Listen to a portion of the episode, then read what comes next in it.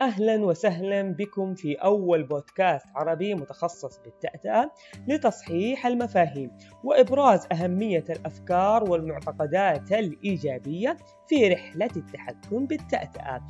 إعداد وتقديم أحمد الحربي.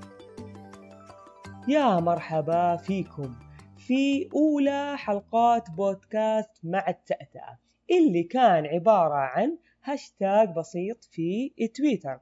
لكني قررت اليوم تدشينه كبودكاست مسموع تزامنا مع اليوم العالمي للتأتأة 22 أكتوبر. هذا اليوم اللي يعتبر يوم خاص لنا خاص لنا كأشخاص عندنا تأتأة يوم نعبر فيه عن مشاعرنا حتى وإن كانت حروفنا متقطعة. نوعي فيه مجتمعاتنا عن أهمية التعامل الصحيح مع كل شخص عنده تأتأة. بصراحة منذ أن ابتدأت رحلة التغيير أصبح هذا اليوم هو يوم خاص بالنسبة لي.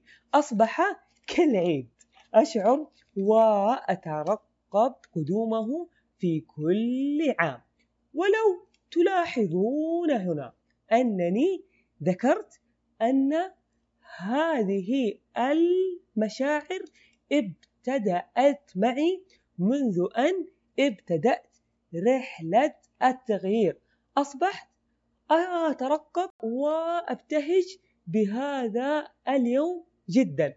وهذا ليس شعوري أنا فقط بل متأكد أنه شعور كثير من أصحاب التجارب في اضطراب التأتأة والأشخاص اللي قدروا إنهم يتحكمون فيه بنسبة كبيرة جدا طيب السؤال الذي يتبادر على أذهاننا لماذا؟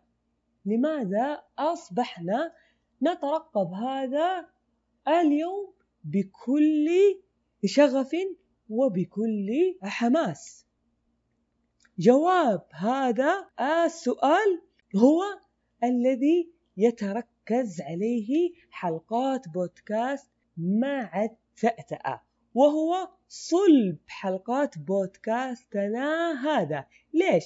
لأننا باختصار شديد كنت سابقا ما أبى أبحث عن التأتأة. ما أبى أعرف إنه في يوم عالمي لها أصلا. ولا أبى أسأل ولا أبى أحد يكلمني عنها أصلا. ليه؟ لأني كنت محمل بمعتقدات مغلوطة كثير عنها. لذا في حلقات بودكاست مع التأتأة راح نحاول نصلح هذه الأفكار. وراح نحاول نؤمن ونغير قناعتنا بأفكار إيجابية صحيحة.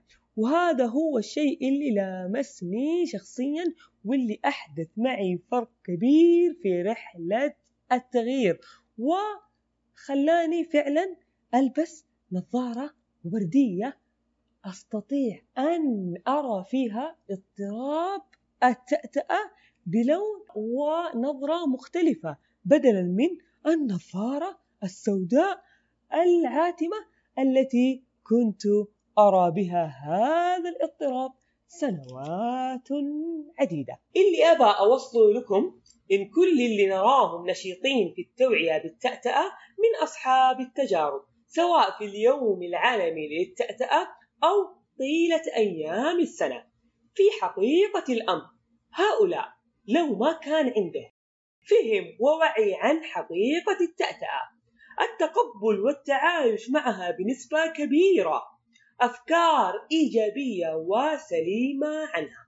لو ما كان عندهم كل هذا وأكثر ما كان شفنا أحد يقدر يطلع ويعترف ويتكلم ويوعي ويصحح مفاهيم مغلوطة عن التأتأة. هم وضعوا اضطراب التأتأة في طالبه وحجمه الصحيح بأفكارهم قبل أفعالهم. ومن هنا تأتي أهمية هذا البودكاست لتسليط الضوء على أهمية تغيير الأفكار والمعتقدات السلبية السابقة واستبدالها بأفكار ومعتقدات إيجابية في رحلة التغيير فإذا كنت شخص عنده تأتأة راح أناقش معك هذه الأفكار وراح ألامسك كثير بإذن الله تعالى. وإذا كنت شخص ما عندك تأتأة راح تعرف معانا أحاسيس ومشاعر. وأفكار الشخص اللي عنده تأتأة عشان تعرف كيف تتعامل معه بشكل صحيح. اليوم وفي يوم العيد حقنا ما عندنا موضوع مجرد تدشين وتعريف بسيط ببودكاست مع التأتأة. أنا هنا ما راح أتكلم كثير عن استراتيجيات الطلاقة الكلامية رغم أهميتها لكن راح أتكلم من واقع تجربتي وقراءتي وبحثي عن حجر أساس هذه الاستراتيجيات الكلامية وهي التقبل وتغيير الأفكار والمعتقدات السلبية الناتجة عن اضطراب التأتأة. وهذا موضوع مهم مهم مهم جدا. وأيضا راح تلاحظون أثناء استماعكم لحلقات بودكاست مع التأتأة إني راح أكون معكم على انسجيتي وعلى طبيعتي بكل عفوية. فمرات تروني أتحدث باللغة العربية الفصحى التي أعشقها تماما ومرات أخرى راح تشوفوني إني أتكلم معاكم بالعامية وباللغة البسيطة جدا جدا جدا. فأنا ما راح تهمني الطريقة اللي راح تصل رسالتي فيها إليكم. أهم شيء إنه الرسالة والفكرة توصلكم بإذن الله تعالى.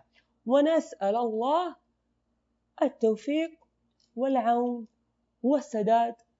وختاما شكرا لكم على استماعكم لي وأتمنى منكم متابعة البودكاست ودعمه في مواقع التواصل الاجتماعي. وفي حال وجود أي اقتراح أو أي موضوع حابين نتكلم فيه تقدروا ترسلوا لي على إيميل البودكاست أو على حساباتي في مواقع التواصل الاجتماعي. فأنا يسعدني تواصلكم جدا جدا جدا. شكرا لكم. مع السلامة.